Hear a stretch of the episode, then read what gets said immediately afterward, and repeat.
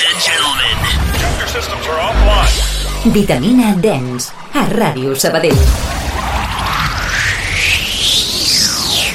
Què tal, com esteu, vitamines? Ens trobem ara mateix aquí en un espai idíl·lic de la sala Àtic, de la sala Space, just al carrer Tarragona.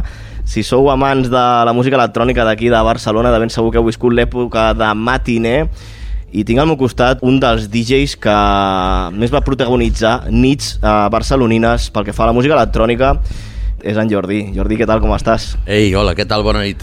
Primer de tot, gràcies per atendre'ns avui just abans de la sessió, perquè ja està sonant la música aquí a la sala. Bueno, gràcies a vosaltres per donar-nos l'oportunitat de, de, de parlar un rato amb vosaltres, d'explicar-vos totes aquestes coses que hem viscut, Uh -huh.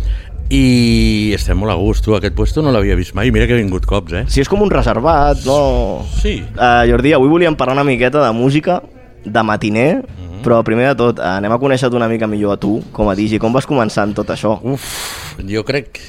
Bueno, mira, jo la primera vegada que ho recordo tenia 12 anys i era en les festes que feien els amics a casa dels pares, doncs jo era sempre el, el que tenia que posar la música. A partir d'aquí, doncs, has d'estar en el lloc adequat en el moment exacte i, hòstia, et dona l'oportunitat. I, I, bueno, des d'allà doncs, fins ara he passat per molts puestos, per molts tipus de música. Parlarem, en parlarem Sí, de sí, tota sí, la sí, teva sí. carrera. Sí. Amb quins equips vas començar? Perquè deu, deu fer anys d'això. Amb uns Lenco. Linko, això què és? L'Enco eren com els Garrard antics que, que després, molts anys després, van vindre els tècnics a l'MK Sí. 1210 o el 1200 era el, el, el 1200 era el primer. Però els Lenco i els Garrard no tenien pitch bender, no tenien pitch. Vull dir, amb una palanqueta que hi havia... Recordo que anaven a 16, a 33, a 45 i a 78 revolucions els discos de llavors. Ostres. I amb una miqueta de que belluguessis la palanca acceleraves una miqueta més i així es punxava. Era complicat, era complicat. I les taules eren les taules de directe, doncs com la... eh, a veure, quina tenia allà? Pues una taula de directe, ara mateix la, la marca no me'n recordo. Que no hi havia efectes, com ara... Què va, què va? A més tenies que pujar perquè fos estèreo havies de pujar dos canals. Hi havia paramètrics de mitjos, d'aguts, eh, vull dir, era... era o Molt sa- tècnic, eh, tot? Sí, sí, era com, com, com un directe d'un artista quan canta, Sí, sí. però clar, t'havies reservat quatre canals per tu, un per un plat i l'altre per l'altre, saps? Ah, I d'estils de música? En quina dècada de ens música, situem? pues mira, pues no sé, des de la Tina Charles, el Love to Love, Sí? ¿vale? sobre el 78 por ahí, Ahà. fins a l'actualitat. L'època més marcada per mi va ser la primera discoteca que vaig trepitjar amb 16 anys a treballar allà, fent una substitució del DJ, una discoteca que no existeix al carrer Florida Blanca, i allà me, en aquella època es posaven, a les 8 del vespre posaven lentes. Ojo, eh? Això ja no es fa. Sí, no, no, no, no, no. no. I l'aprenentet era el que agafava pues, tables, pues, posar les lentes.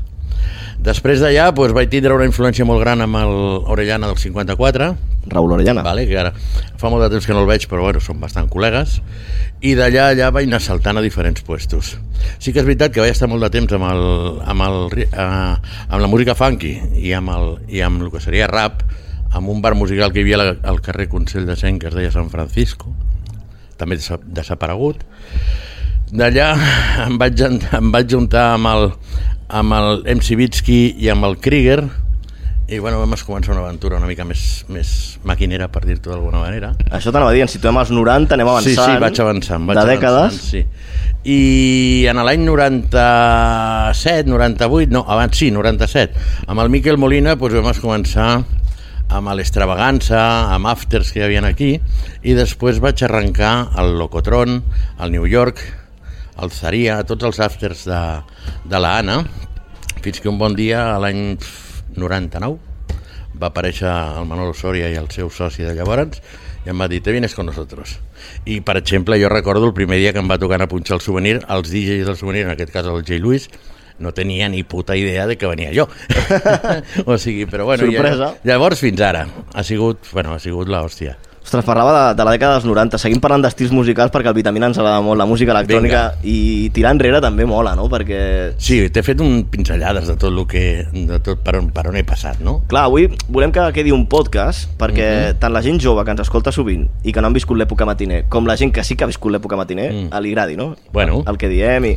Si ens situem amb els estils musicals, als 90, aquí a Catalunya, a València, s'escoltava la màquina, A València, la maquineta... maquineta. De València, no? De la ruta al Bacalao. Sí, però aquí hi havia pues, gent com Toni Verdi, com Fran Trax, hi havia uns altres que ja tiraven amb un tecno més selecte. vale? I, i jo era dels que m'agradava més el techno. El techno i el house, perquè Matiner El house va ser... va ser una mica l'abanderado, no?, del va house a Barcelona. Sí, va ser... No, a veure, la moguda jo crec que naixia abans. El, la influència musical nostra és que no teníem ni idea de què era aquest so. Havia que parir-lo, per dir-te alguna cosa, saps? Sí que és veritat que teníem el house que sonava a Ibiza, sí que teníem el Balearic Beats, però el, que, el, el, el distintiu nostre el vam crear per casualitat. Vale? Llavors, pues, bueno, anàvem a 12 Music d'aquella època i compràvem vinils i, i en posar-los i posar-los i posar-los pues, pues ja tenies un temazo, saps? I això va passar durant molts anys aquí. Com es va fer aquest canvi, aquest gir de la màquina dels 90 al house? Com? Ah, pues no sé, va ser per xiripa. Vull dir, a la gent li va deixar d'agradar la màquina No, i va començar a agradar el house? no, és que era una altra història. Jo crec que aquí tenia molt a veure la manera de divertir-se amb les ties o...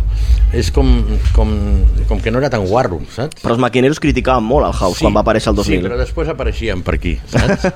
Sí, sí, i anaven de rotllos xungos i rotllos pelats i després... Però venien a escoltar house. I venien i els reconvertien, no? I, i bueno, va passar tot això. Però sí que és veritat que a l'inici de tota aquesta història a Barcelona molts dels puestos que hi havien oberts eren d'ambient. Sí. El que passa que venien moltes noies i llavors van obrir una mica la, la, la visió general i es va fer un local pues, totalment variopinto, no? I a partir d'aquí pues, es va pues, Torres de Ávila, eh, jo què sé, El Mundo, l'Extravaganza, després el Circus, la Terraza, tot això es va crear. I després vam aparèixer nosaltres. Que abans parlaves del Miquel Molina. Sí, és molt amic meu de fa molts anys. Clar, hi ha una entrevista amb el Julio Posadas de Sí. fa uns 3 anys, a la pandèmia, que Sí. explicava aquesta irrupció de la música house a Barcelona. Sí. De com a través fins i tot de, del hip-hop i d'estils així molt clar, americans Clar, és que venim d'allà. eh? es va introduir. De fet, de fet el, el, el house, l'autèntic eh, house que es feia als Estats Units, era, doncs deien, música de negres que no els deixaven entrar a la discoteca i ballaven a casa. Sí, sí. Això és una definició que jo he llegit ja no sé ni a on. Però, però això venia així. Llavors aquella música doncs, tenia un ritme un ritme i, i, i bueno, es va enganxar i va, i va fructificar tot arreu això I aquí a Va Barcelona allà. molt. aquí a Barcelona molt sí. Clar, ja es, potser anem avançant, inicis del 2000, hi havia francesos com Daft Punk, David Guetta, Sí, sí. molt jove, ja començava a introduir... El David Guetta jo el conec de... A veure, nosaltres vam anar a principis del 2000, sí, a punxar a París, convidats per una emissora de ràdio, que és FR, FR París, Sí. vale? i el Guetta era locutor. I el Guetta en aquella època punxava abans que nosaltres. Nosaltres anàvem de cap de cartell, el J. Luis i jo. Allò era una, una passada, però clar, parlo de principis del 2000. Llavors el Van Carter i tota aquesta gent del Daft Punk doncs va fer una, un- una per dir-te un, una, una manera de fer house pròpiament, no? I ha triomfat mogollon aquesta gent. Bueno, vam comercialitzar no, la Sí, música a l'estil electrònica. francès, a l'estil francès, que estava banderat per aquests, pels Daft Punk i tots els remixos que feien, va sortir el Cri de Moure, els Colossus, tot aquesta, aquests sellos, Després en Joaquim Garraut també, també. va, va començar a convertir... I es venia molt, i es ballava molt, i a vegades sortia un tema d'aquests bèsties, de, i dius, de qui és aquest? Dius, del Thomas Van Calder, i qui és aquest paio, el de funk? El de Punk. que no es pot saber, però se, es Sí, sabia. sí, no? al final es sabia, sí, sí. Que han guanyat Grammys i tot. Ja te digo. Uh, una de les altres sales també per aquí de, de Barcelona, ens hem centrat molt en Barcelona, però també estava l'ABC, no? Parlant del Miquel Molina, Sí, clar. en Pucu, ostres, d'un El- l'escena sí, sí, i la cultura sí, de sí, club sí, que sí, també es va sí. treballant a I sala. a l'ABC allà a Granollers era una passada. Nosaltres Sí, eh? havíem anat moltes vegades. Era com estar a casa i la gent, bueno... L'ABC, que una sala on es va punxar i molt house i també molta escena de club, les Love Sessions. Sí, Bueno, llavors podríem dir que en aquella època era matiner a Barcelona, a la ciutat, Sí. i a les afores, als Vallesos, d'on som nosaltres, Sí. un ABC, no? Bueno, sí, a l'ABC i després a la banda de Molins hi havia l'Aitu i, i bueno, i al final saps què passa? Que tots els DJs d'aquella època érem col·legues tots. Sí, oi? Al final érem amics tots. Sí, sí, sí. No hi havia competència, després parlarem d'això, eh? No, no, competència no. Competència, bueno, jo crec que no. No, no. No, jo crec que no. Situats a Barcelona, parlaves ara de França. A Barcelona potser ha sigut una ciutat idònia perquè estils com el house hagin funcionat, perquè és una ciutat moderna, més oberta, més europea, que diem. Però tu saps la quantitat de gent de França que venia pf, al, al souvenir, a la Madame, però una passada. Creus que això era, va- Era bestial, sí, sí, sí, sí. I un dels millors aparadors també era Ibiza. El que punxava a Ibiza tenia les portes obertes a tot arreu, saps? Però francesos aquí venien perquè allà no hi era això. Allà no hi era. Aquest, aquest rotllo que portàvem aquí no hi era allà. Era diferent. Llavors nosaltres, cada vegada que hem anat a pinxar, doncs, no sé, a Montpellier, a, a Lyon, a París, ens, ens rebien amb els braços oberts. Era una, era una canya. I altres països de- d'Europa que també... Bueno, jo crec que menys Austràlia, i la, i, la, i, la, i la lluna he estat a tot arreu. Sí, Europa tota sencera, vull dir, anàvem a Bèlgica, uh, he estat a Dinamarca, mm, Itàlia, bueno, tot arreu, però és perquè ja ens coneixien, o sigui, la, els, la imatge, la marca, no sé, nosaltres tot, tot va anar molt ràpid. Quin país d'Europa, Jordi, creus que, que té millor cultura d'electrònica, millor tracta l'electrònica? Anglaterra. Anglaterra? Anglaterra. Holanda, per exemple, què et sembla? Encara que els estils siguin més, més durs. Nosaltres al, a Holanda hem viscut sales de tecno, molt bèsties, tecno. molt bèsties, i a Alemanya també. Però en canvi a Anglaterra, ja dic, mm, locals que també són d'ambient, bueno, han sigut una passada i uns festivals enormes. I la música d'ara, Jordi, què tal? Com et sona? Mira, tinc una filla de 20 anys Sí. i no ens entenem. Escolta electrònica? No! Ostres! Escolta el rotllo seu, i jo amb els rotllos aquests no puc. I ella, amb la música meva, pues, tampoc, tampoc li agrada gaire. Però de l'electrònica Però- que escoltem avui en dia t'agrada? El tech house d'ara, el techno d'ara, que s'ha convertit fins i tot en comercial. Què opines de- d'aquestes corrents, de la gent jove que escolta electrònica ara, igual que quan Matiner va començar, doncs també era una influència per la gent Pues jove? suposo que tot és cíclic. Suposo que deu haver el cicle de, de reggaeton i totes aquestes històries, perreos i hòsties d'estes, que és que no hi entenc gens d'aquest tipus de música, no? Però deu ser cíclic perquè torna a vindre. Torna a vindre aquella gent pues, que està tirant un altre cop de house, de techno, i, i, i a més quan els veus amb, un, amb una història com aquesta, com la d'avui, doncs dius, què, què pintes tu aquí? Saps? Però sí que és veritat que cada vegada doncs, potser anirem avançant en quan hi hagi moltes produccions o en quan alguna sala important aposti per aquest gènere, no sé, anirem avançant com puguem. Creus que ara s'aposta potser més pels gèneres urbans? Total. Els caps de sala potser... Total, total. Mira, nosaltres ara el dia 30 tenim que anar a posar música també, a punxar a una sala de Cornellà i és molt estrany veure'ns allà nosaltres. Sempre tiren doncs, de, dels quatre artistes d'aquests que surten als 40 principals, del gènere jove, i allò està a rebentar sempre. Doncs, mira, anem nosaltres. És, és, és una qüestió de que apostin per, per aquest tipus. Per I que, això- hi hagi, I que hi hagi gent jove que li dongui per, per, per, per punxar i per produir això. Després en parlarem més de la gent jove Buf. i del que la gent jove escolta avui en dia i com viuen la música a diferència... Doncs això li preguntes amb el, amb el J. Louis. amb el José Luis, no? Uh, ens ha sorprès una dada teva, Jordi. Digue'm. Uh, has dit que has viatjat moltíssim. Fins, Sí. Menys a Austràlia dius que has estat a tot arreu. Quasi, quasi. Sí, sí, sí. sí. Has estat a la Winter Music Conference de Miami? Sí, quatre, Ostres. quatre vegades. I com era? Jo, com, com, com bueno, es pues viu? era, era una bogeria, perquè és que, a més, eh, hi havia a l'escenari on es feien, en aquella època, eh, pensa que allò era del 2001 al 2005, vaig estar 4 anys, ¿vale? aquell escenari on estava el Tenaglia, on estava Cal Cox, on estava, no sé, infinitat de DJs, nosaltres teníem una residència sempre, eh, durant 3 o 4 festes a l'Space de Miami, que és una sala pff, mítica també. Emblemàtica. Sí, i després durant la setmana que passàvem allà doncs anàvem a quasi tots els clubs de la ciutat, al Nicky Beach, a molts puestos, a, a veure qui hi havia o, o, o disfrutar, però Miami és un altre, un, altre, un altre planeta, tio. Allò era una passada. Bueno, encara avui en dia es fa. Allà no? recordo d'haver-me trobat el Juan Magán, el seu germà el Víctor, amb el J. Luis, i bueno, fent la, fent la conya allà, saps? I el Juan, mira, es va quedar allà. És veritat? Um, com veieu allò, Miami? Com us veien a vosaltres? Venint d'Europa, d'Espanya, Però de no- Barcelona? No ens veiem malament, no ens veiem malament. Potser que la nostra carta de presentació, que era el matiner, Exacte. pues ja era conegut a tot el món en aquella època, clar. Éreu els representants de Matiner quan sempre, anàveu allà. sempre, sempre ens demanaven a nosaltres. De fet, en aquella època de l'any 2001 al 2005 érem els dos. Sí que és veritat que estava el Xu Soler, que era el germà de J. Luis, però els que viatjàvem eren els dos. I bueno, I què us preguntaven allà? No res. Què vols que ens preguntin? Anàveu a escoltar música? Nosaltres anàvem a... A veure, sobretot a veure novetats. Per qui ens escolti no sàpiga el que és la, la Miami. La Miami Winter Conference. pues bueno, és com el, com el mobile aquí, aquí a Barcelona, però tot DJs, tot eh, sellos musicals, segells musicals, tot eh, discoteques, promotors, i llavors és, un- és un mercat viu d'allà de, durant aquesta setmana, amb actuacions, amb, amb, amb, de tot hi havia allà. I portàveu música d'allà? Sí, home, Promos, no? Allò... quasi, quasi. Ja parlem de Quan pillàvem, quan pillàvem el, el, el Roger Sánchez, el Morillo i tota aquesta gent, els de Subliminal, els hi, els hi fotíem una sacada important. I veniu aquí amb música nova? Sí, clar, clar. Això Però després, després havia de quajar aquí. Perquè, clar, et torno a dir que el, el, el segell... Bueno, el, la imatge o el so matiner, que li el sonido propi aquest, pues és una mica diferent al house que escoltaves a tot arreu. El house, que és un estil que mai passa de moda. Jo crec que no, a més m'agrada, eh? encara escolto moltíssim a dia d'avui. I vas baixant cançons i vas... Bueno, mira, jo crec que aguantarà. Ara falta que els que venen darrere... Com, com es buscava, Jordi, la música abans? Uf. Parlàvem dels vinils, després a principi del 2000, el CD, els reproductors primers de Pioneer, Els CD100. a- als 100, després van arribar als 1000. Els vinils sí que està clar que els buscàvem d'import a les botigues i a tot arreu. Aquí a Plàstic, a Carrer Calàbria, a típic. Plàstic, a 12 Music. Jo havia comprat vinils en, a, fa molts anys a RAF Records del Julio Madroñal, bueno, un, un que hi havia al carrer Aribau, després a la Cara B, a la Barceloneta, bueno, però tots fa molts anys.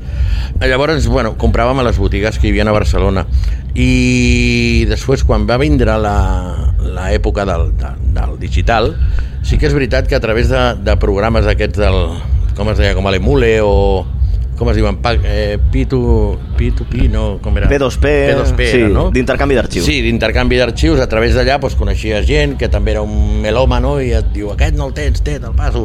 I una, una llegenda urbana, no sé si és llegenda urbana o no, El què? els jefes de les discoteques us pagaven per anar... O sigui, us donaven diners per anar a buscar vinils? Us pagaven els vinils? Que això, no sé si és veritat o no. És una leyenda urbana. Ostres, doncs m'ho han dit molts cops, eh? Que en aquella època els jefes de discoteca No, no, donaven... Que encara hi havia, hi havia euros ja, sí. Sí, no, l'euro va vindre el 2021, el 2001, Sí. sí. Encara hi havia pessetes. Però que- Sí que és veritat, nosaltres també ens ho feien, sí. Vale. Però no a tots. I qui, però quin pressupost teníeu? Quants vinils podíeu agafar a la setmana? En el cas nostre, hi havia, hi havia un comptable a l'empresa que estava en un quartet i li veníem i li portàvem la factura, es cagàvem la reputa, però bueno, pagava. Bueno, però era com s'aconseguia la música. Sí, sí, sí, sí, No? sí, tal qual.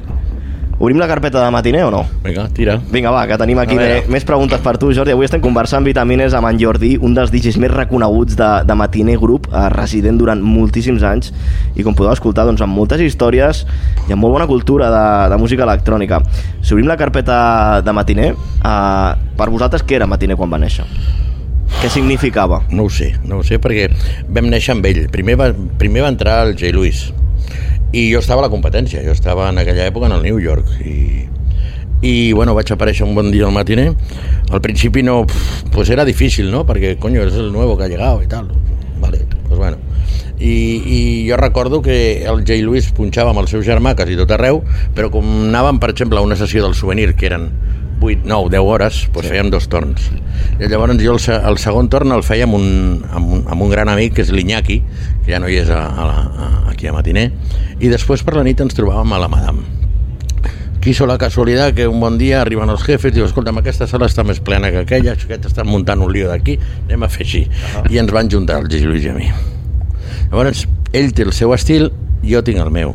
Però heu punxat moltíssimes sessions junts. Sí, jo sóc extrovertit, ell és més callat. Ell és, ell, la seva música és molt elegant i la meva música és de fer saltar la gent. Pues, pues, a partir d'aquí, la conjunció nostra va pujar, pujar, pujar, la marca va pujar, pujar, pujar, pues, va ser, va, ser una, va ser- una passada. Van començar a sortir puestos, bolos, eh, obrir sales, sessions, però és que al final la gent que veies divendres a la nit l'havies vist dissabte al matí, dissabte a la nit, diumenge al matí, diumenge a la tarda i diumenge a la nit, i al final es dius, tio, no tens casa o què? Vés-te'n a casa. I sempre escoltaven, eh, perquè les sessions no eren mai iguals, però el, el, el rotllo de música sempre l'escoltaven. I això durant pff, 10 anys, pues, pues hasta ahí. Sí, sí, a, a fa soler això, eh? 10 Sí, anys sí. seguits. 10 anys. Jo vaig sortir de matiner, jo vaig entrar al 99 i vaig sortir el 2011. S'ha dit que Matiner, bueno, s'ha dit, i potser si repassem una mica la maroteca, Mm. va començar amb el públic gay. Sí, clar, No? el que t'he dit abans, eren, Això- eren locals d'ambients. Per la gent jove que ens escolti, com ho pots explicar? De... Pues, jo diria que eren molt més moderns que nosaltres. Com, a- com Més, rebien no la sé, música? eren com més cosmopolites que nosaltres, eh, són més sensibles que nosaltres, o, bueno, jo em considero heterosexual, però són més, més no sé, és diferent. Llavors, en aquell moment era com, com que estaven a, allà dalt, no? I, i, i van es començar així. Però es va fer tan gran I com va fer el, el canvi aquest? Com, a, com va sorgir el canvi? Pues jo crec que va ser a poc a poc. Sí que és veritat que hi havia una selecció molt forta a l'entrada de les sales, però al vindre també moltes noies i venia, primer passava un, al cabo d'una setmana en lloc d'un ja eren deu, doncs no ho sé. Es va fer un mix, es no? Va fer, es va fer un públic mixte molt xulo, Molt xulo. molt xulo. I Matiner va seguir evolucionant Sí, sí, fins sí. al punt també de- d'aterrar a Eivissa. Parlàvem d'Eivissa abans, que és una de, Vam dels epicentres. Vam aterrar a Eivissa a l'estiu del 2001. Bueno, abans ja s'havia fet una col·laboració amb la gent del Manumission i amb una altra gent d'Anglaterra. O sigui, un estiu, un parell de sessions amb Unes ells. festes. El 1999 i l'any 2000. Però el 2001 ens donen l'opció d'anar els dijous a l'Space. Ostres, actualment High, Sí. un dels millors clubs I del món. arribem a l'any 2001 a l'Space i hi han dues sales. Hi ha la main room i la terrassa. Només hi havia això. I s'obria a les 8 de la mañana i es tancava a les 6 de la tarda. Com ho feies? Com ho, paries, com ho paries, això, no? Pues, jo estava a la main room des de les 8 del matí fins a les 4 i mitja, 5 de la tarda, i el J. Lluís començava a les 9 i mitja, 10 a la terrassa, fins a les 6, que, o a les 4 i mitja, 5 sortia jo a ajudar-lo, però eren sessions de, de, pues, no sé, de 10 hores. Tenies que sortir corrents per anar al bany, tornar corrents i rotllos d'aquestos. Era, era...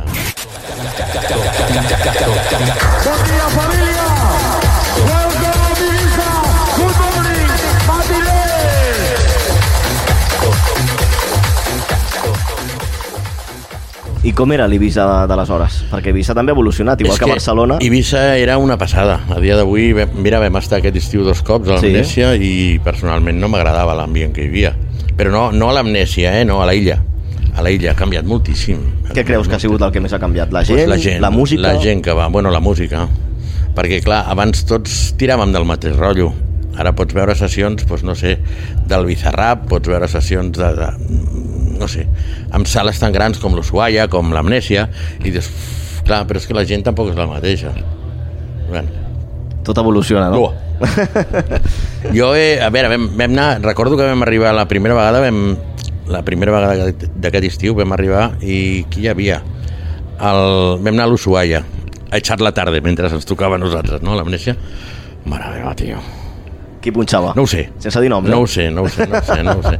No ho sé perquè vaig entrar amb la meva, amb la meva parella, ens vam quedar allà eh, fent una cervesa, va entrar el J. Luis amb la seva parella i saps aquella de dir, què, què, què estamos haciendo aquí? És que a més a més no es sentia, no es definia la música, només senties el bum, bum, el buffer, saps? Que és el que més marca i, i, i no vam entendre res. La segona vegada vam, vam anar al, al Hard Rock Collons, estava al paret del castell sí. Fent un remember. el Tejada Em va agradar més. el, children, allò del Children's of 80s Yes. I ens va agradar més això. no, vam veure la penya com saltava i com brincava i tot això Bueno, la reacció, sí, sí. sí, sí, sí, sí. Eivissa, uh, tornem aquí. Un dels punts de, de Catalunya, un, un dels jocs que personalment aquí un servidor doncs, va poder viure, era molt semblant a Eivissa. Estem parlant de Sitges, de l'Atlàntida. Que canya, que canya. Recordo una sessió arribar a entrar i estaves punxant tu. Sí. Crec que punxaves, ho tenia aquí apuntat, a Calibdrums. Ah, podria ser, De sí. DJ Leo. Sí. Un tribal molt fresquet. Pam, pam, pam, pam. pam pam, pam, pam, pam, pam, és aquesta. I vas acabar punxant Sun Racing Gap. Podria era, ser, era sí. una petita Ibiza a Catalunya, sí, no? Sí, bueno, és que l'Atlàntida ha sigut màgica sempre, tio. Jo recordo, perquè jo vivia a Castelldefels, i i hi havia la leyenda urbana de que si entraves pel mar, si entraves per la platxeta aquella, doncs entraves gratis. Et colaves. Sí, sí, sí, però bueno, jo, i, i ja quan em van dir que els dimecres anàvem a Amnèsia, ja, perdó, a, a l'Atlàntida, digo, va, vaig pensar dues coses. Primera, no me jodes, quan descansem? Perquè aquesta era la primera, però és que després el repte de l'Atlàntida era molt bèstia. Castell de Focs, musicón, veure sortir el sol, era una canya, era una canya. I llavors, pues, al final era la mateixa gent que teníem a tot arreu, que venien de Barcelona cap aquí, més la gent que baixaven des de Calafell, Torredembarra, Tarragona, cap a baix. Del Garraf. Sí, i del, del Garraf i del Penedès i del Tarragonès. Mm. Llavors, pff, era una passada, és que al final veies, arribaves a les 11 i mitja de la nit, perquè a mi m'agrada arribar tranquil i tal, i, i estava el pàrquing ple, tio. I, i, i després unes cues impressionantes i després miraves a baix i dius però, però si no et pots ni bellugar La festa de matiner normalment era dimecres. eren els dimecres però després ja ens van donar la gestió de la sala i també feien divendres, dissabtes i diumenges Però la bona... la bona, la, la, la, el, que no podia entendre jo és com en el mes de juny, juliol, agost i setembre, si és a l'agost dius, bueno, la penya està de vacances. Vacances. A veure, com un miércoles se viene tanta penya aquí i després en tenen que anar de reenganxe o enxufats o com vulguis a currar. És que era Això, això sí que ha canviat, eh, Jordi? Ei, la, però gent, no, sí, la sí. gent no aguanta tant, eh? No, no, la gent ja no fa el ganso com fèiem nosaltres, tio, ja t'ho dic, ja t'ho dic. Esto ja saps? Bons amics que segur que recordes d'allà de l'Atlàntida, el David Gausa, per exemple, el David Tort.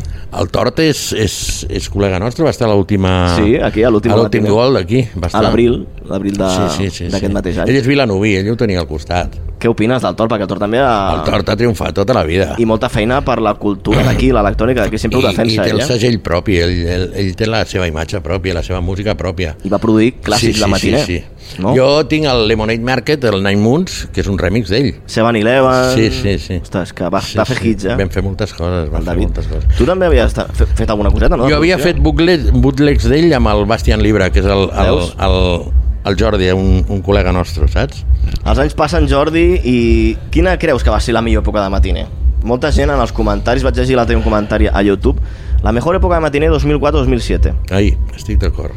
2004-2008. 2008, un any més, Sí, sí. estic d'acord. Sí. Quan va? vam canviar a Ibiza de Space a Amnèsia, sí. Per mi va ser diferent. Sí que és veritat que llavors ja no hi érem dos sols, ja hi havia més gent. Llavors el que passa que cada un té el seu estil i la sessió ja no és tan coherent com havia sigut amb dues persones. M'entens? I van entrar gent que, que ens va anar de puta mare perquè ens treia, ens treia feina, però abans la sessió la paríem des d'un principi en altres, l'estil musical era el nostre, i després pues, va entrar el Ticaro, va entrar la Lídia Sanz, va entrar el Juanjo Martín també amb nosaltres, va El entrar so també va l'André, canviar. i cada un pues, va aportar coses diferents amb aquest so propi que teníem. Com a l'època del Ticaro, sabadellenc, per cert. Sí. Però d'un sí, eh? Quan va entrar el Ticaro, el so de matiner també va sonar Pues- a la ràdio. sí, sí, sí, sí, Mira, sí. parlant de ràdio, Jordi, Digue'm. escoltaves la ràdio en aquella època, tu? I tant, joder.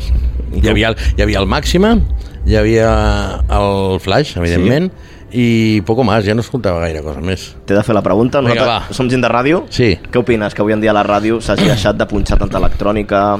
Però això el tema el teniu vosaltres i les discogràfiques. La ràdio sempre ha funcionat per, pels, pels objectius de la discogràfica.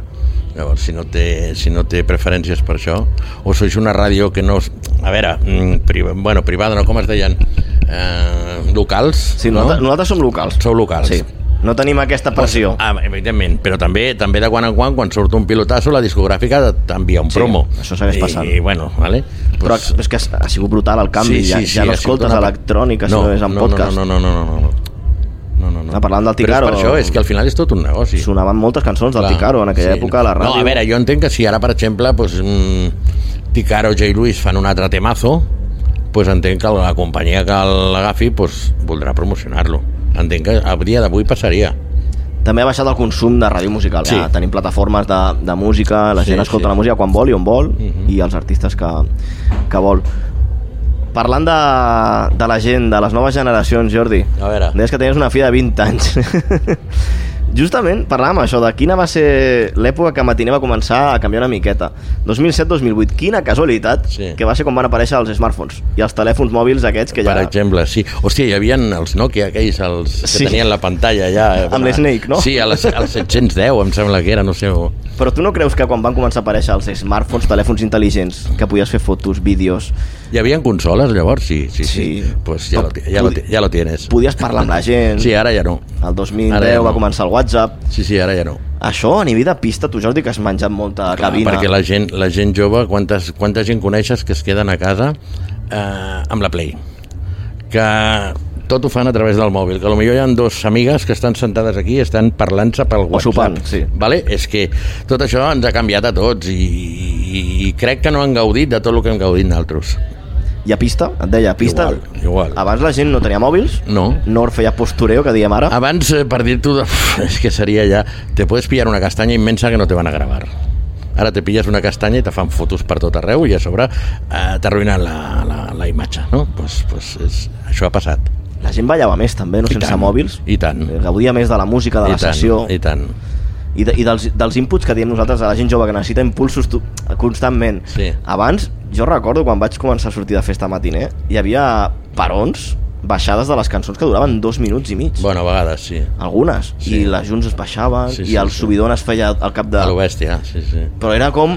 Ara no, no, Ara no? ara no hi ha això, no. Ara és tot a dalt, No, no, no, no, no, no, no. i les parades són molt curtetes. Sí, però és que aquella música molava. El Johnson Stephenson, el, el de Fir Revirt, aquest, de l'Àngel López va fer un remix. Jo l'acostumo a punxar i el peron té un minut 45.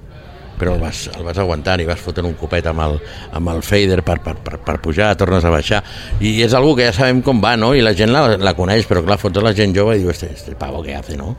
Vull dir, va així, això. I dels nous DJs que ara mateix... tens- Hòstia, no conec a ningú, no tio. tens cap referent? Algun, Què va? Algun nano jove de, si... de defecte? Saps que em dedico una, a una altra cosa, ja no... Bueno, però segueixes segurament escoltant de tant en tant algun, Molt poca cosa. algun DJ actual de defecte Li hauré de preguntar a la meva filla, no ho sé. o d'aquí d'Espanya, no hi ha cap DJ que cridi l'atenció? De Tech House, de House... D'aquí d'Espanya m'agrada molt el, el, el nano, però és de sempre. El DJ Nano. El nano, de sempre, vale? perquè té una cultura musical molt bèstia. M'agrada molt el Pedro del Moral, però ja és gent molt gran. Gent jove ara mateix no, no tinc cap referent. Que jo conegui, eh? Ojo, potser el, el, el soci en sap més que jo d'això. I la influència aquesta de les xarxes amb la gent jove creus És que una ja- passada, és una passada. Nosaltres, jo recordo de sortir de les discoteques i tots et donaven flyers. Vine, vine, estem aquí, ara obrim aquí, ara fem això. I et donaven flyers i, i parlaves amb els col·legues quan els veies. Hòstia, tinc això, anem allà. Ara mateix ve tot per, per, per l'Insta, per el TikTok, i el Facebook ja ni es gasta. O per llistes És- de... és de boomer, li sí, diuen. o per, o, jo sóc un boomer. O per llistes de difusió de WhatsApp i la penya diu ja, és que ha canviat moltíssim. I al final no surten, perquè tampoc tenen pasta. Ostres, És que tampoc tenen pasta la gent jove, tio. sí, està la cosa està, fotuda. està, eh? la tenen fotuda. Està la cosa fotuda. Jordi, anem acabant aquesta conversa, a veure si Vinga, després va. podem enganxar el Gil Sí, no, l'heu d'enganxar. que està punxant ara mateix. El Sí, és acabarà, que acabarà a les dues. La gent que ens escolti, no estem ara mateix un dia entre setmana en una cafeteria. No, no, ara mateix no. Estem- Però ho esteu gravant, no? Sí, sí. La conversa no, la música. La música la gravem ara quan anem cap allà. Vale. Hem portat una gravadora Vale. i ara agafarem l'estèreo i anem cap allà. Vale, vale. O sigui, la teva sessió no et preocupis que la gravarem. Mm, Vale? vale. Això, Jordi, anem acabant aquesta conversa molt interessant avui en un especial de matiner al Vitamina. Uh, properes sessions que tens, perquè ara deies que et dediques a una altra cosa a la Hòstia, música. sí, és que... La nit- allò, la nit allò, cansa, no? Saps allò que dius, vale, va, ha passat l'època, jo considero que la, la, la vida de les persones són èpoques i experiències que vas guanyant, no? Però jo va haver un bon dia que vaig dir però és que puc fer altres coses i, i la meva vida doncs, ha derivat vull dir, jo treballo, soc agent immobiliari soc API, tinc una oficina a Calafell i ens va molt bé però és que sempre tens la trucada, tio fem una festa perquè, Remember. clar, perquè la història és la mateixa vull dir, ja no et truca, et truquen només per fer remembers. I tots són remembers i ara s'ha posat de moda el remember. I vagis on vagis el remember són dels quatre de sempre i és el mateix Bueno, doncs mira, doncs jo ara tinc el dia 30 a Cornellà, el dia 10 de febrer a Barcelona, el dia 10 d'abril a Barcelona, i la, la, la veritat que a vegades et truquen i, hòstia, és que ara em fot molt de pal, que estic veient una pel·li o una sèrie o no, no sé. Però Quan, quan et passi això, pensa en el Calcox, Sí, home, està clar. que té 60 o... Ja, tio. i el- punxant. jo sóc molt col·lega, bueno, sóc molt col·lega, he viscut moltes aventures amb el Tenaglia, amb el Tenaglia, i el Tenaglia deu tindre ja 60 i pico també, eh? Sí, sí, era més gran que jo. I Sí, segueix allà... sí, sí, sí, sí, sí, sí. Va, Jordi, anem a acabar amb una anècdota. Amb tots aquests anys de cabina, Mm. de sessions a matiner, Sí. a Ibiza, a Miami, que també hi has Sí. estat, explica'ns una anècdota com a DJ. Te'n puc explicar dos. Vinga, va, posem a gravar això. Dos, eh? Una va ser l'Espeix d'Ivisa, la cabina de la sala interior. Eh, com nosaltres muntàvem una, una, una performance enorme, doncs coincideix que una de les vegades tenia jo a darrere uns columpios muntats amb el sostre de la, amb el sostre de la sala, uns columpios de corda, i allà, vinga, estaven els, els gogós i els, i els de l'animació uh -huh. gronxant-se. Acaba la performance i jo me'l miro així, el columpio, i dic, bueno, amb un peron d'aquests que parlàvem, digo, igual me subo i i, i, i m'hi pujo. Quan eres més jove, eh? Sí, quan era més jove. Però és que apareix en Dani Tenaglia. I vam acabar ell amunt i jo amb un altre, engronxant-nos enmig de l'espeix. Això va ser... Un... Però sí, sí, amb el temps un bajón, vull dir, ningú en tenia res, deia, i aquest paio què fot aquí? Si és el DJ, no? Vull dir, no en tenien res, aquesta és una. I després una altra, que també aquesta ja és, és muy heavy, el, el souvenir, que era una sessió d'after, i encara hi havia un reafter que es deia Kit Kat. Allà ja quedava lo millor de lo millor, ¿vale? Eren les 4 de la tarda. Ve una noia i em diu, oye, ¿me puedes poner una canción? ¿Quina? Digo, hombre, no la sé. Dic, yo dic, ¿pero cómo hace? Digo, "Uf, cantarla no sé, pero yo si quieres te la bailo.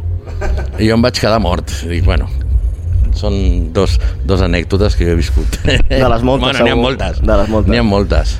Jordi, DJ Jordi, t'agraïm moltíssim avui que, A vosaltres, home. que durant aquesta sessió de matiner de Remember Sí. eh, ens hagis atès al Vitamina a Ràdio Sabadell. Et desitgem doncs, que vagis traient temps eh, Bueno. per seguir punxant, Sí, perquè has marcat molt uh, la carrera fins i tot i la vida de, de molta gent jove que li ha començat a agradar la música electrònica aquí a Barcelona Bueno, això és guai de sentir, tio. Sí o no? Sí, sí, sí, sí, sí. i, i per molts anys de música que segueixis estimant la música com sempre Clar. i et desitgem el millor I jo us agraeixo l'oportunitat aquesta d'haver comentat un rato i tot això. Ara parleu amb el capità i, i, i moltes gràcies, nois. moltes tot. gràcies vale? Jordi Fins la propera Vinga. adeu Estàs escoltant Vitamina Dance a Ràdio Sabadell. Bé, Vitamines, doncs aquest podcast no s'atura. Si abans hem conversat amb en Jordi, ara tenim un dels seus amics, perquè és que ens ho ha dit ell. Ens ha dit que éreu molt amics. Tenim aquí a Jay Luis. José Luis, ¿qué tal? ¿Cómo estás? Hola, ¿qué hay? Buenas noches. Muy bien. Gracias por atender los micrófonos del Vitamina. Como decíamos, eh, te une una buena amistad con Jordi, ¿no? Sí, bueno, eso. Es que hemos recorrido mucho, mucho mundo, mucho. Mucha Cataluña, mucho España y luego Europa. Hemos estado, bueno, en un montón de países. Bueno, he tenido que llevar de paseo. ¿Has hecho de hermano mayor entonces? Eh, sí, un poquito, sí. Bueno, quizá no, ¿eh? quizá lo he cuidado yo más a él que a mí. Él nos comentaba que él es más extrovertido y tú eres más calmado, ¿puede ser? Sí, sí. Bueno, la, la- la imagen que, que la gente tiene es que, claro, eh, a ver, José Luis es el serio y Jordi es un poco más el, no voy a decir el, el cabra, pero sí, la gente tiene esa, esa percepción de nosotros. Pero el tándem ha funcionado muchos años. Jay Luis Vitamines, estem conversant això amb Jay Luis, una de les figures, un dels referents, un dels residents de matiner, que de ben segur si heu viscut aquesta època de la música electrònica de, de Barcelona, heu escoltat moltíssimes sessions seves, fins i tot els, els CDs recopilatoris de matiner, les sessions estaven mesclades per Jay Luis o Jordi, qualsevol dels dos. El CD1 siempre me tocaba a mí, sí, sí. Desde el año, mira, yo creo que en el 99 empezamos el primero con Vale Music y Jordi creo que todavía no estaba con nosotros. Entonces aquel lo mezclé con Miquel Molina y luego vinieron algunos con mi hermano, con Chus y luego ya vinieron con él. Ya fueron ya uf, 10 años seguidos de un no parar. Muchos años. Hoy tenemos ganas de, de conocerte un poquito mejor, no solamente como DJ de matinés, sino vamos a tirar un poquito, vamos a coger el DeLorean, vamos a viajar en el tiempo y queremos que nos expliques pues cómo empezaste a pinchar, José Luis, en el mundo de la música, con qué equipos, qué estilos. Mira, yo en casa eh, somos tres y mi hermano mayor ya había comprado un par de elencos de la época. Yo te puedo hablar del año 80 y... Yo que tendría yo, 14, 15 años, eh, del año 82, 83, 84. Y ya teníamos nuestros primeros vinilos y ya hacíamos nuestras primeras mezclas. Y ya te digo que yo lo llevaba un poco en la sangre. Ya mis hermanos se habían encargado de, de metérmelo en la vena. Porque el mayor tiene una cultura musical tremenda, muy, muy, muy, muy, o sea, sabe mucho. Y además tiene la, la, eh, la peculiaridad de que le dices, oye, búscame tal disco. Y hace así en una estantería de 1500 y lo encuentra. Y te, puedes, y te explica la historia del de aquel vinilo, cómo lo compró, dónde fue, cómo... Y te lo explica todo. Y luego el Chus, el Chus me enseñó la técnica. Y yo, le- yo te puedo decir que yo con 13, 14 años ya sabía hacerlo. Luego ya eh, llegó un día que yo recuerdo que el primer sueldo que cobré con esto fue por una suplencia. Y a partir de ahí, pues ya fue en el año 88, 88 más o menos. Y a partir de ahí, pues bueno, yo fui haciendo en una sala de San Boy, luego me fui a unas salas de Castelldefels, luego estuve por el Apocalipse, no sé si recuerdas, año 90 y 91, 92, 93. Luego me fui a la zona de Castelldefels otra vez, el Tutan, Tutankamen. eh, y luego ya me vino mm, con Manolo, Manolo Soria, eh, en el año 96 vino a buscarme que yo estaba en un, en un bar de, de- en el NIC, que estaba en la, está en no sé si existe todavía, pero estaba en la Avenida de Madrid. Y allí vino y me propuso que, que la sala Apocalipse iba a cerrar y iban a reformar y iban a abrir Ilusión.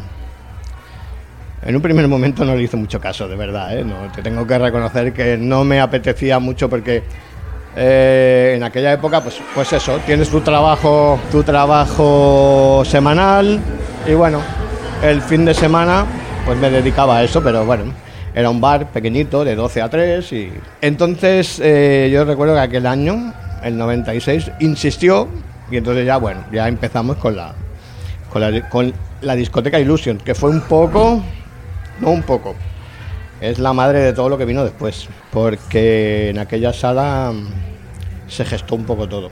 Tuvimos mucha suerte de poder trabajar en todas las bandas horarias, de, desde el viernes a tarde que teníamos eh, Máquina, Pastis y Wenry, Juan Cruz, eh, Uriol Carrió, y luego en la noche que la hacíamos, pues bueno, eh, el viernes y sábado noche hacíamos un poquito más, eh, no, no en, el- en la música house, pero un poquito más comercial. Y el domingo, después de varias pruebas, conseguimos hacer el Cathedral Sundays, que se llamaba. Y a partir de ahí, pues fue cuando vino, vino una detrás de otra. O sea, aquello fue Un éxito, ¿no? Todo un, un montón de años y como una, una promotora como Matiné consiguió el éxito, no solamente en Barcelona, sino en parte de Europa. Ah, luego, luego a partir de ahí, bueno, vinieron las salas de, de- de aquí en Barcelona, el Salvation, la Madame, y luego el After, que lo empezamos en esta misma sala, eh, y luego el, el- souvenir de Vila de Cans. Eh, ¿Qué pasa? Que, que tuvimos la suerte de, de que mm, promotores, al trabajar en deshoras, digamos, domingo noche, domingo por la mañana, en sesiones diferentes. Tuvimos la suerte de que promotores de todo el mundo vinieron a vernos. Y entonces, pues bueno, contactamos con muchísimos. Todo eso nos llevó a Ibiza, con el grupo Trade, en el año 98, y un grupo inglés. Y bueno, ya nos quedamos luego como matiné en Space Ibiza durante 10 temporadas. Eso fue lo mejor de mi vida, ¿eh? Con muchas historias seguro a explicar, ¿no? Sí, sí, sí. Muchas anécdotas. Sí, sí, hay muchas cosas que explicar de allí, de aquello, aquello, aparte de que yo considero que es eh, la mejor discoteca del mundo. Eh, ahora, como High, es una discoteca espectacular, pero no tiene lo que tenía aquello. Y, luego, es que te encontrabas con cualquier personaje público, mm, personaje de, de- o sea, deportistas, todos los yo, claro, teníamos la suerte de que el viernes noche había alguien en Pachá, había alguien en Privilege, había alguien en, en todas las salas, había algún DJ. Entonces todos acababan allí. Y eso fue lo que nos abrió ya el mundo entero. También hablábamos con Jordi que habíais llegado a, a visitar Miami, la Winter Conference de, de música electrónica.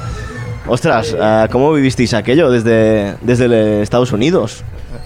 Pues mira, eh, antes de Miami estuvimos en Los Ángeles.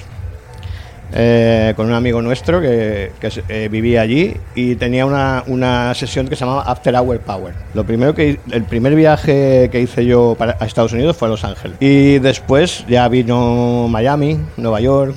Veníais cargados de promo, seguramente, ¿no? Sí, sí, sí, sí, teníamos... eh, eh, sí, por ejemplo, en Los Ángeles yo recuerdo, no recuerdo el nombre de la tienda ahora, pero en Los Ángeles yo me traía muchísima música.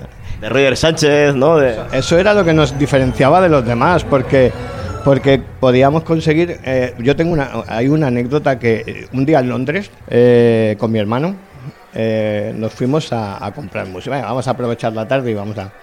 Y entramos en la tienda y el vendedor pincha el Family Affairs de Mary J. Blige, la versión que luego se trajo. ¿Y qué hicimos? Hostia, enseguida, ¿no? Y le digo, ¿cuántas tienes? Dice cuatro. Pues nos llevamos las cuatro. Claro, no, nadie más controlaba ese tema. Y entonces esa fue una de las cosas que el- el- hay muchos temas que, que el Everyday, por ejemplo, eh, de Kim English, esto lo compré en Los Ángeles. Ahí, ahí hemos, hemos traído mucha música de, de por ahí. Hablando de países, Reino Unido, pero algún otro país de Europa que, que os ayudó mucho en influencias para traer ese, ese house, sobre todo a inicios de los años 2000. Francia era muy potente, David Guetta, Daft Punk. Sí, te- además teníamos también... mm, mira, yo lo cuento muchas veces. Nosotros íbamos a, a, a una... mm, con una promotora, eh, a Elise Montmartre. Ah, Tenía sesiones allí. Y la curiosidad del tema es que el, el, el warm-up lo hacía David Guetta, nos lo hacía a nosotros. y entonces, eh, en Francia también tuvimos muchas, muchos sitios. En Francia hemos, yo- hemos recorrido, yo creo que no nos queda, ciudades no nos queda ninguna. Y el público de Barcelona, cuando veníais cargados de música, de influencias de- del resto de Europa, ¿cómo, cómo aceptaba? ¿Cómo, ¿Cómo reaccionaba a las primeras canciones house, sobre todo viniendo de la época de los 90, de la música máquina? Ya te digo que a la primera, ¿eh? Era un público con una mente más abierta. Un público que, que no que te dejaba trabajar. O sea, no necesitabas estar durante tres, porque antes las sesiones no eran de una hora. Antes nosotros, por ejemplo, en el Space he empezado a las 10 de la mañana y he acabado a las 7 de la tarde. Esto de las sesiones ahora de una horita cada uno, bueno, no eh, pero eh, te daba tiempo a, hacer un recorrido, un camino que tú tenías marcado y al final eh, tú llevabas a donde, a donde querías la sesión, ¿no? Y claro, evidentemente no puedes estar tantas horas siempre arriba.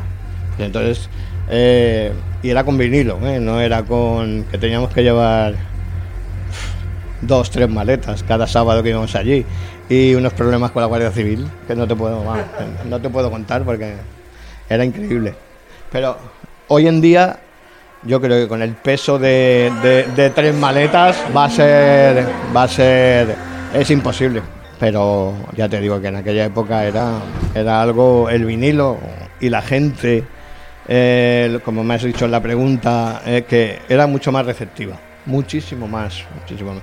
No necesitabas estar eh, una mañana o una tarde o una noche eh, poniendo una sesión de, de lo más comercial que tuvieses, sino siempre aprovechabas un poquito, porque claro, tú has cargado con vinilo, en un pendrive llevamos 5.000 canciones si quieres, ¿no? O, o 10.000.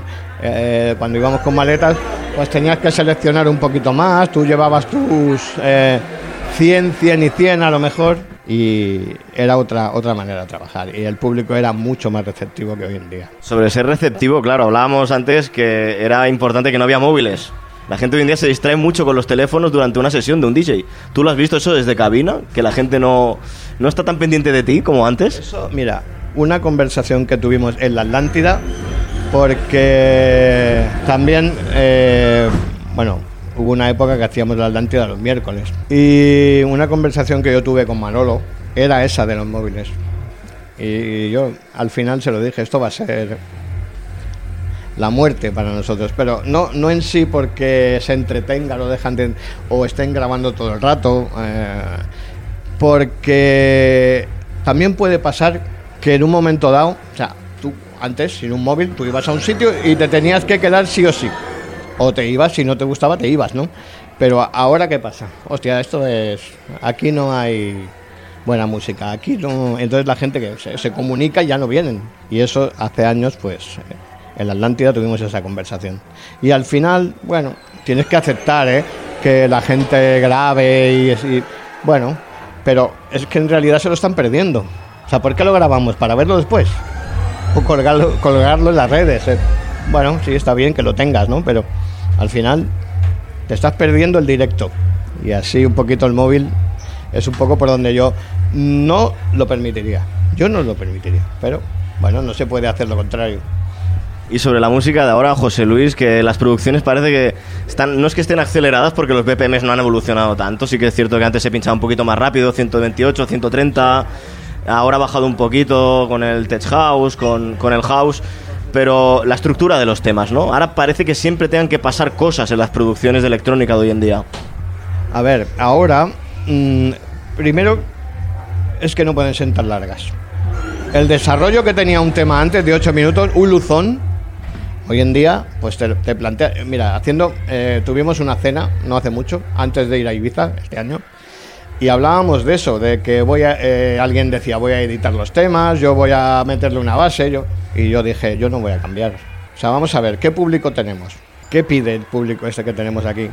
Bien, vienen por eso, ¿no? Vienen a escuchar la música que nosotros eh, poníamos eh, hace 20 años. Y entonces vamos a respetar esos temas. Claro, cada uno luego que haga lo que le dé la gana. pero yo prefiero respetarlo. No voy a cortar y ni voy a editar ni voy a hacer nada con un tema porque antes sí que se trabajaba el tema de 8 minutos o 9 y él lo sabe, Jordi lo sabe que, que, bueno, eh, sí, eh, puede ser que haya alguno que lo cortásemos por, por- puede ser por lo que por lo que fuera en aquel en aquella porque porque el cuerpo te lo pedía, ¿no? Pero nosotros la mayoría de los temas los dejábamos desarrollar porque en sí los producíamos así. Producíamos una entrada, un break, ahora empieza a cantar, ahora para, ahora arranca otra vez y luego le pones el final. Y entonces, ya que lo hacemos, pues lo respetamos, ¿no? A hacerlo así, ¿no? Y hoy en día sí que es verdad que me encuentro con temas de cuatro minutos, que van, que van al, que van al grano, van a, venga, eh, uno detrás de otro y cuanto más rápido mejor. Es verdad, porque el público lo demanda también, ¿eh? Cuanto más rápido mejor. Una de las cosas que ayudaba mucho a, a que la gente pues cantase, como estamos escuchando de fondo, porque estamos grabando este podcast aquí en los camerinos y escuchando, escuchamos a la gente cantar el Searching for the Golden Eye. Una de las cosas que ayudaba, y que también lo hemos hablado con Jordi, es que la música sonaba en la radio, aquí en Cataluña, no hace falta irse lejos, ¿eh? Ah, ¿Cómo ves también ese cambio que ahora mismo está ocurriendo de que la música no suena en la radio, es la música electrónica y la gente... Pero yo creo que eso es un problema de, de discográficas, ¿no? Yo eh, no, no, mm, yo entiendo que la discográfica está para ganar dinero y lo que le funciona es otra historia. Entonces las radios no, no van a tirar por ahí. Yo ahora pongo Flash FM y, y me dura cinco minutos. Perdón por decir nombres, pero es que es así porque no, no, no- hubiese pensado en mi vida que nosotros íbamos a, al mediodía, al programa del, del Escolano, del Jordi Casa House, eh, a la noche al de Yasu, al de David eh, Gausa. Y llevábamos nuestros vinilos y pinchábamos allí y hacíamos nuestras sesiones. Eso hoy en día es impensable.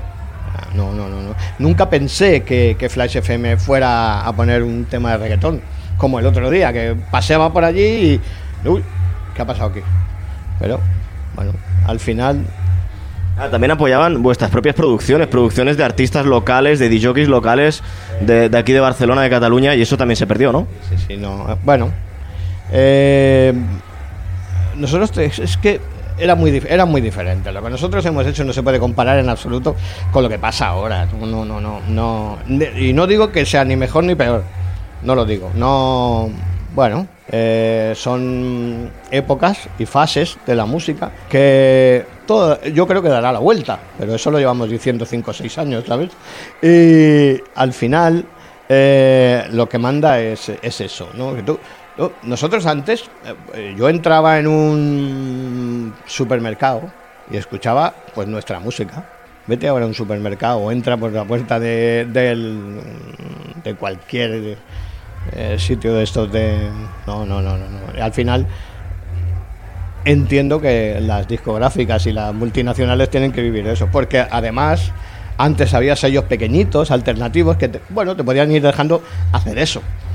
Eh, si tenías la suerte de que te cogía un Universal o un Sony, y vale, pegabas un pelotazo y, y venga, pero no eh, hoy en día eso no, va, no va a pasar.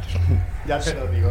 Porque en la, en la- mira, los royalties, siempre hablamos, ¿no? De los royalties, de lo que hemos ganado, de lo que hemos ganado nosotros cada tres meses. Y ahora te llega una, una liquidación de 40 pavos. Eh, ojo, eh, y es mucho, eh, los 40 pavos. A ti 15, hostia. Pues sí, sí, así. Y entonces es eso que, aparte de que eh, antes un maxi valía 10 euros, eh, un nacional, un americano, te valía 12 pavos. eh, ahí había dinero. Pero ahora, ¿quién compra música? Entonces, y si se compra, se compra 99 céntimos o se compra un euro. O a lo mejor en Bitport hay alguno que te lo van a comprar por dos- 2,15. 2,15. Entonces esto no te genera, eh, no te genera... Sí, lo seguimos haciendo, pero no te genera nada. Sobre ciclos y etapas, hablabas de eso, de la etapa de la radio, que ha evolucionado mucho. Otra, otra etapa y otro ciclo que me gustaría preguntarte es el cambio de la Isla Blanca, de Ibiza, una isla que tú conoces y mucho. Has pinchado prácticamente desde hace ya 25 años. ¿Qué opinas de, Ibiza? ¿Cómo la ves ahora de, respecto a cómo era hace unos años, cuando aterrizaste ya no solo con Matinés, sino tú a título personal en la, en la isla?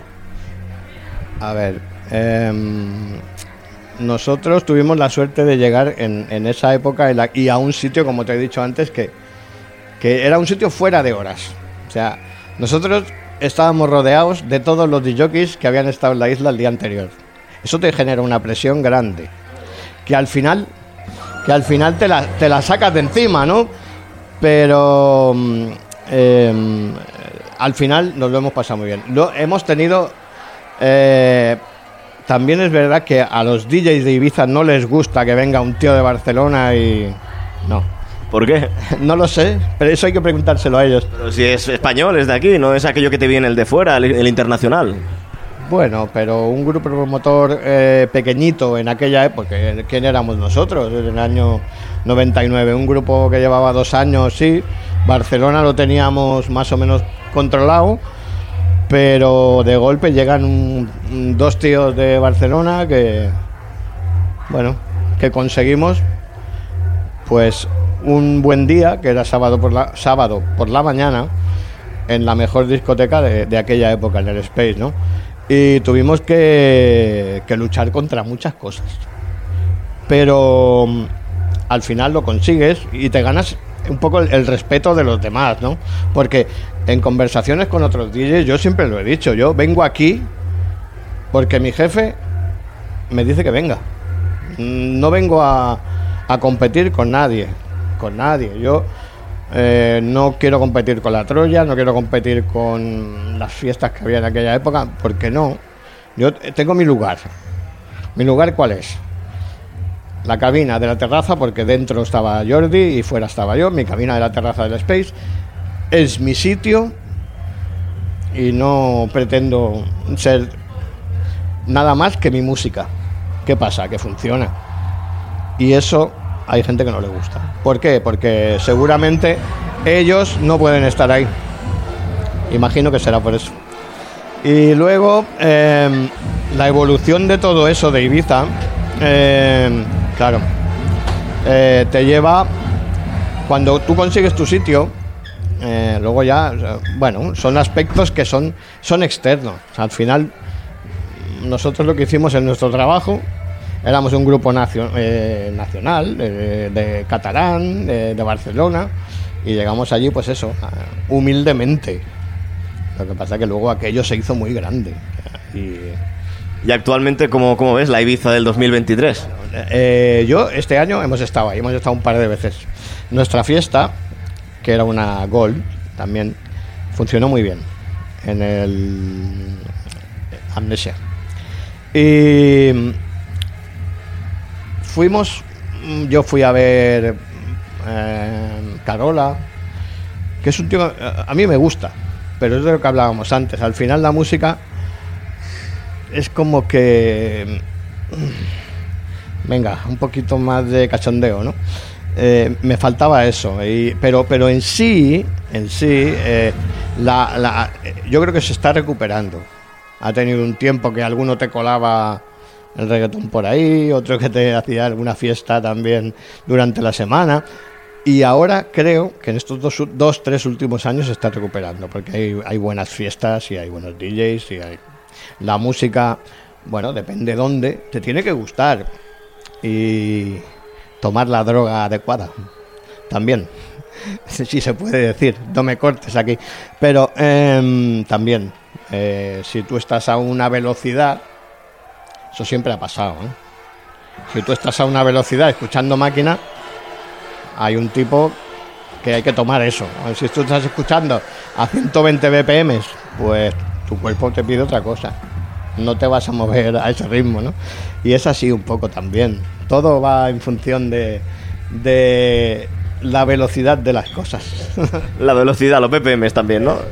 Hablabas de, Marco Carola, por poner un ejemplo de alguien que te llama la atención. ¿Tienes algún otro DJ, productor español ah, o internacional que te llame la atención, que digas, creo que el sonido va por allí y este estilo puede funcionar en los próximos dos o tres años? Hablando de electrónica, ¿eh?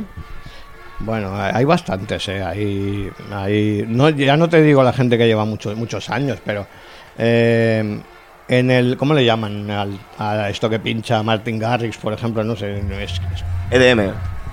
¿sí? ¿SDM? Pues esto sí, a los chavales les gusta, ¿eh? Y ese chaval es... Future Rave este que ha intentado poner de moda Guetta con Morten, más tecno, ¿no? Un tecno así como comercial a la vez. Sí, sí, bueno, eh, bueno, también hay, es que, es que te cuelan tecno con flamenco hoy en día, ¿sabes? Y, pero no, hay, por ejemplo, ¿cómo se llama este italiano que está haciendo fiestas con Carola también? Ese, no me acuerdo el nombre, pero este es un, buen, un buen DJ. No me acuerdo el nombre. ¿Cómo se? Ese, ese, ese. Medio de azúcar moreno, sí. Y estando, estando aquí en Barcelona, estamos en uno de los momentos ahora que más DJs vienen a la ciudad. Quizá en época matiné, inicios de los 2000, era más talento de aquí, DJ local. Eh, Nosotros, nosotros Matiné hemos trabajado con todos, ¿eh? Nosotros hemos traído aquí Subliminal, que teníamos fiesta mensual y traíamos a todos. Hemos traído Cal Cox, hemos traído con Matiné, han trabajado, hemos trabajado con, con casi todos, ¿eh? Con Guetta, con, con... Sí, sí, sí, hemos trabajado con Tenaglia, con bueno yo es que el- al principio David Morales Ángel Moraes hemos trabajado con muchísimos DJs es que se me, hasta se me olvida pero pero hemos trabajado y luego a nivel nacional lo que sí tuvimos el acierto de coger en el Cathedral Sundays y que viniesen todos los DJs de Ibiza. Y algunos de Madrid que estaban empezando. DJ Chus David Penn Pedro del Moral no estaba empezando porque ya. Pero eh, David Ferrero. Y de Ibiza, pues los trajimos a todos: Java, Oliver, César de Melero, eh, Pipi. Aquella sesión la recuerdo yo, porque es el que más me gustó. El Pipi. Eh, bueno, vinieron todos. Jonathan Luises, que estaba en el, en el Space con nosotros. Eh, pues ya te digo, de Ibiza los trajimos a todos. Y de americanos, pues, pues ya te digo, prácticamente a todos los de la época. Y europeos también. Por ejemplo, si te hablo de- del sonar, abrimos mucho el abanico, pero ¿no, no encuentras a- en, en falta más talentos nacionales o estilos un poquito más abiertos con la electrónica? A no ser que es muy experimental a veces el sonar y no, no cabe en otros estilos otros DJs de aquí también de la zona, ¿no? Mm, Nosotros, que yo recuerde, no hemos ido nunca al sonar. Yo creo que éramos demasiado comerciales, catalogados de demasiado comerciales, creo, ¿eh? Nunca hablé con ellos. Pero nunca fuimos, nunca hubo aquello de ninguna relación ni nada, no fuimos. Y el sonar es, un- es otra historia. O sea, es eh, como en festivales que nosotros hemos estado en Francia y que, bueno, cada carpa tenía un estilo, techno en un sitio, house en el otro. Y también ahí es donde, bueno, al, al final puedes eh, evolucionar un poquito más o ser un poquito más oscuro, pero al final cada uno tiene su, su camino y eso no, al final nosotros mm, lo que hemos hecho durante el tiempo que hemos estado juntos, él y yo, Jordi y yo, eh, lo esencial era que la gente se divirtiera. Luego ya te pueden decir lo que quieras. Pero nosotros teníamos el, al final, cuando a las 6 de la tarde se o a las 7 se hacía de noche en la, y bajábamos la persiana de la cabina del Space, era la satisfacción nuestra de, de coger y decir, nos hemos ido con ellos, porque se han quedado aquí desde las 8 de la mañana que empezaba él hasta las 6, 7 de la tarde, que un día descubrimos que la, que la terraza del Space tenía luces, había luces, porque se hizo de noche, pero nosotros no teníamos ni idea. Pero nos pasábamos allí y, y entonces la satisfacción era que nosotros nos íbamos con la gente a casa y ellos se iban satisfechos y contentos de la música que habían escuchado. Ah, Porque eh, al final la música la tenemos todos. ¿Cómo la usas? Eso es otra historia. Eh, y nosotros íbamos, claro, en una sesión de tantas horas como hemos hecho, porque hemos ido, ojo a lo que te voy a decir, el miércoles a la Atlántida, Hemos cerrado a las 7 de la mañana, que se nos hacía de día. El jueves, eh, pues el, el- el evento que tuviéramos, el bolo que tuviésemos, en Playa de Aro, en Amposta, en yo qué sé, donde sea. El viernes, eh, él ya se iba a Ibiza y yo me iba, bueno, yo qué sé, lo que tuviese por ahí, el Salvation o... El sábado por la mañana, yo cogía el primer avión de las 6 de la mañana y me iba a Ibiza. Eh, llegaba a las 7, descansábamos un poco, él se iba a las 8, yo iba a las 10 a abrir la terraza. Estábamos todo el día. Cogíamos el vuelo y si nos tocaba irnos a Marbella, nos íbamos a Marbella. Si nos tocaba Madrid, Madrid. Y si nos tocaba París, París. Ojo, te estoy diciendo que empezábamos el miércoles. Y estoy en el sábado por la noche, con tu culo en Londres. Ah, incluso había veces que íbamos, yo qué sé, nos tocaba Playa de Aro, nos to- íbamos mucho a la escala, a toda aquella zona de Girona. Y cogíamos el coche, dos horas a Rosas, al Chic. Y a las 5, oye, que me tengo que ir, que tengo que ir al souvenir. Nos veníamos al souvenir. Estábamos hasta. eh, vete a casa a 11, 12 de la mañana. Yo me levantaba a las 6, 7 de la tarde y me iba al café, olé. De 9 a 12. Y luego la calle Lepanto, solo tenía que bajar la calle Lepanto, me dejaba caer y iba a la Madame. Hasta el lunes, 6 de la mañana. O sea, todo eso es lo que hemos hecho nosotros durante muchos años. Que ahora dices, vaya locura, tío, ahora que lo hagan. eh, Ahora estoy deseando acabar la entrevista y me- irme a mi casa porque ya ha acabado mi set, ¿no? Pero eh, nosotros hemos hecho auténticas locuras que hoy en día no haríamos. Con tantos bolos que, que me comenta José Luis, una de las cosas que se me viene a la cabeza es que os ganabais muy bien la vida. A bolo, por sesión, no sé, en aquellos tiempos qué precios había, si es como ahora, si por tener más seguidores en las redes sociales ganabas más, había comisiones, pero os ganabais muy bien la vida, ¿no? Vivíais de la música. Sí, sí, ganábamos mucho más que ahora. Mucho más.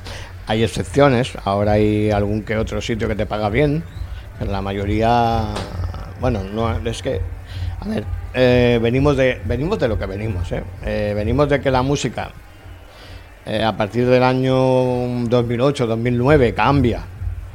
Eh, nosotros nos podemos adaptar un poco, pero yo aguanto en matiné hasta 2012, porque ya mi, mi, mi, mi propio estilo ya no, ya no iba.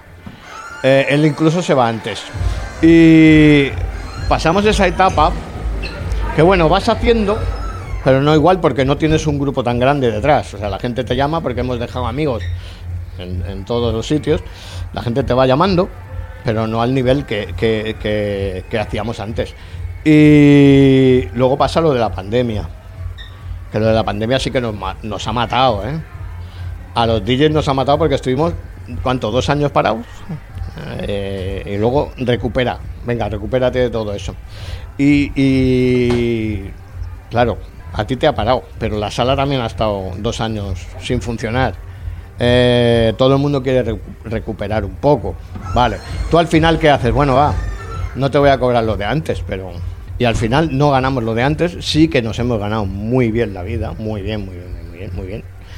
Eh, no sé, no te, no te quiero decir precios, pero ah, va, por ponerte un ejemplo, yo me llamaron para ir a Tel Aviv y no quería ir, porque era, eh, bueno, era una época de estas que Israel, como ahora, estaba un poco así, aquello estaba un poco, no quería ir, y era un viernes por la noche, con no fernísimo.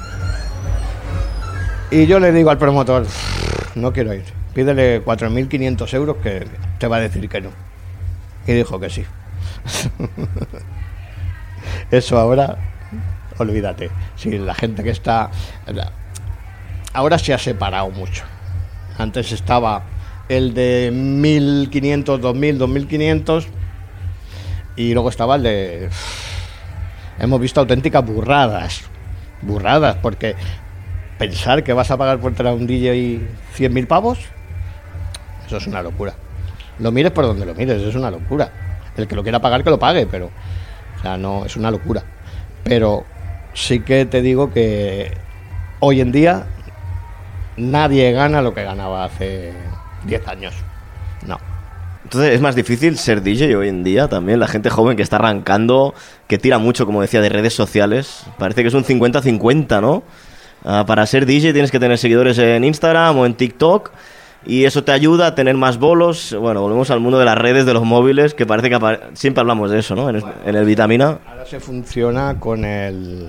Bueno, eh, eh, bueno, pues yo tengo mi grupito de DJs, 4 o 5, que aporto a tu sesión. Aporto, pues eso, eh, mis redes sociales, te hago promoción mm, y van a pinchar, pues, 20 minutos cada uno.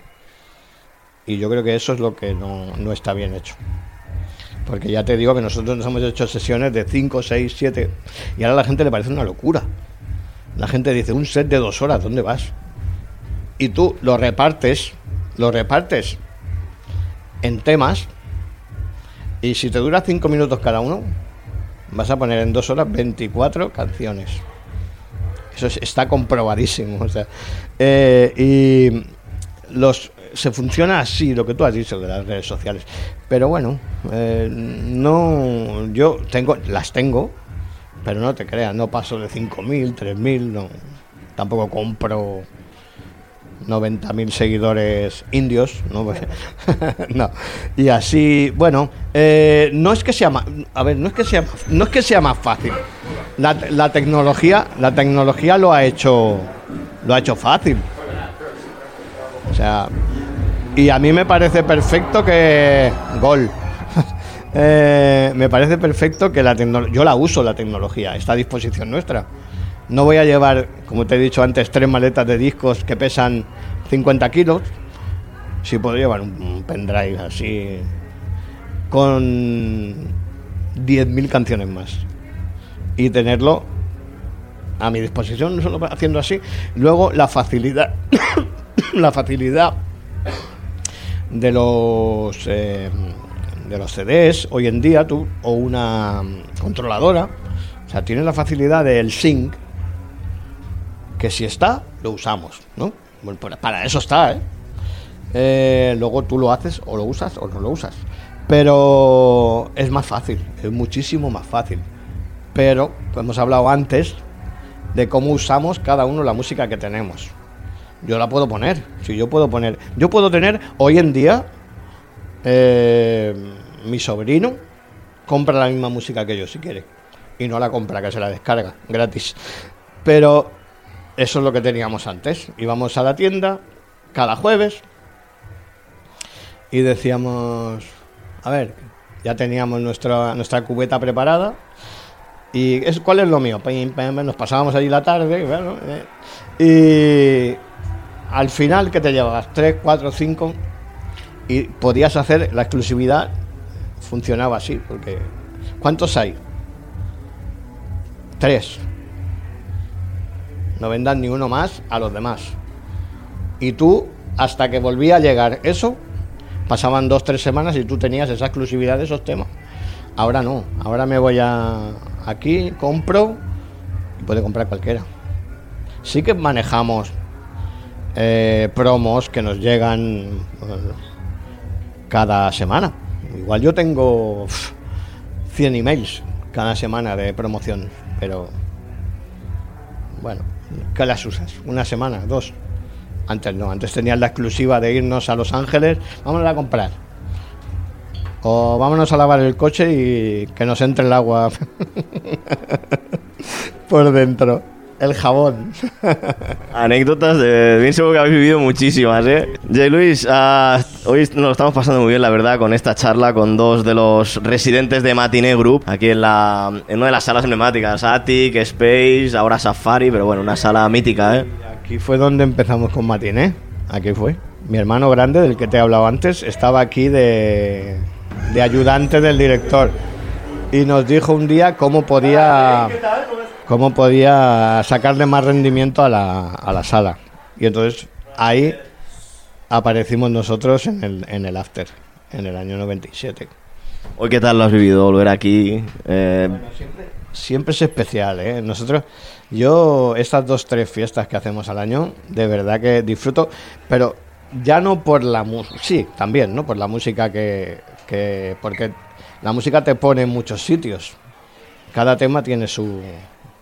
Este, pues, mira, estaba, te puedo contar una cosa, estaba en, eh, estábamos en, en Miami, en el Space de Miami, yo sé, sería a las 12 del mediodía o así, y aparece un tío allí con unas rastas y me dice, nos dice, ahora, ahora me toca a mí. Y nosotros, ¿y tú quién eres? Y dice, ah, soy Steve Edwards. Y voy a cantar el World Hold On. Digo, "Oh, muy bien, muy bien, muy bien. O sea, cosas así que, que son, eh, que, que al final, eso, cada, cada canción te pone en un sitio. Tú ahora mismo escuchas esa canción y te pone allí. Eh, por ejemplo, el Finally de Kings of Tomorrow. Estábamos un día en, el- en Miami también y de golpe, pues Tenaglia, pues se le ocurrió ponerlo. Y, o el Touch Me de Ruiz da Silva, también. Y, y cada tema te coloca en un sitio. Entonces, eh, lo que pasa aquí, lo que nos pasa aquí es eso, que tienes tu hora y tienes tu, tu ratito de conectar con ellos, porque además ellos no, eh, el público no es un público que salga cada semana. No, viene aquí a vernos a nosotros. Y nosotros bajamos ahí y de verdad que te lo pasas. Porque, claro, la gente, la gen- tú- nosotros, ¿qué pasa? Que tenemos, hemos llegado a tener, pues a lo mejor 30.000 personas delante. Y tú no los conoces a todos, eso es imposible. Pero todos te están viendo a ti. Y la gente, ahora caminas por ahí y seguramente me voy a parar de aquí a allí pf, 50 veces. Y eso es lo mejor que pasa en esta fiesta. Que, que te acuerdas de esa gente y de, y de dónde, dónde. Cada uno te cuenta su anécdota. Y cada uno te cuenta que se, hostia, me, me- conocí a mi, al que es mi marido, lo conocí aquí. Eh, y te cuenta cada uno su cosa. Y eso pues es lo mejor que pasa en esta fiesta. Vayamos donde vayamos, en Ibiza igual, aquí también. Uno de los motivos, ¿no? Para venir a pinchar en fiestas tan especiales como la de hoy. Ese- yo creo que es el principal. Volver a ver a esa gente que, que tenían 25, 25 años menos, ¿eh? Ojo, que ellos tendrían, si yo, eh, pues no sé, ¿qué tendría yo? 30 años en aquella época. Ellos tenían 20 o 18. Y Yelo, y vamos acabando esta charla. Ah, te queríamos agradecer mucho tu tiempo, que hayas atendido los micrófonos del Vitamina de Radio Sabadell. Cuando quieras seguimos ya no solamente contigo, con Jordi o con algún otro más, algún otro residente de Matiné, porque seguramente que tenéis muchísimas historias que explicar sobre esta contribución ¿no? a la escena electrónica de Barcelona, que parece que han pasado los años, pero no hay que olvidar que habéis puesto vuestro granito de arena a que haya más cultura electrónica en Barcelona, ¿no? Sí, sí, sí. Eso, eso mm, es, una, es otra cosa que, que, como te he dicho antes, éramos no muy bien recibidos en según qué sitios. Y, y, bueno, eh, luego al final, al final, bueno, al final, yo no le veo el final a esto todavía, ¿eh? Yo eh, pienso seguir hasta que no pueda ya levantarme de... Y no al nivel de antes, porque esa locura no la volveremos a hacer. Pero pienso seguir hasta que el, el cuerpo aguante y la música me siga gustando y la gente venga a vernos. Pues con eso nos quedamos, José Luis. Gracias otra vez, muchísimas gracias por todo y un fuerte abrazo. Que vaya muy bien y a seguir pinchando hasta que el cuerpo aguante. Muchas gracias a vosotros. Sortim al carrer, visitem els clubs, trepitgem les pistes de ball, conversem amb els DJs i productors musicals. Vitamina Dance, a Ràdio Sabadell.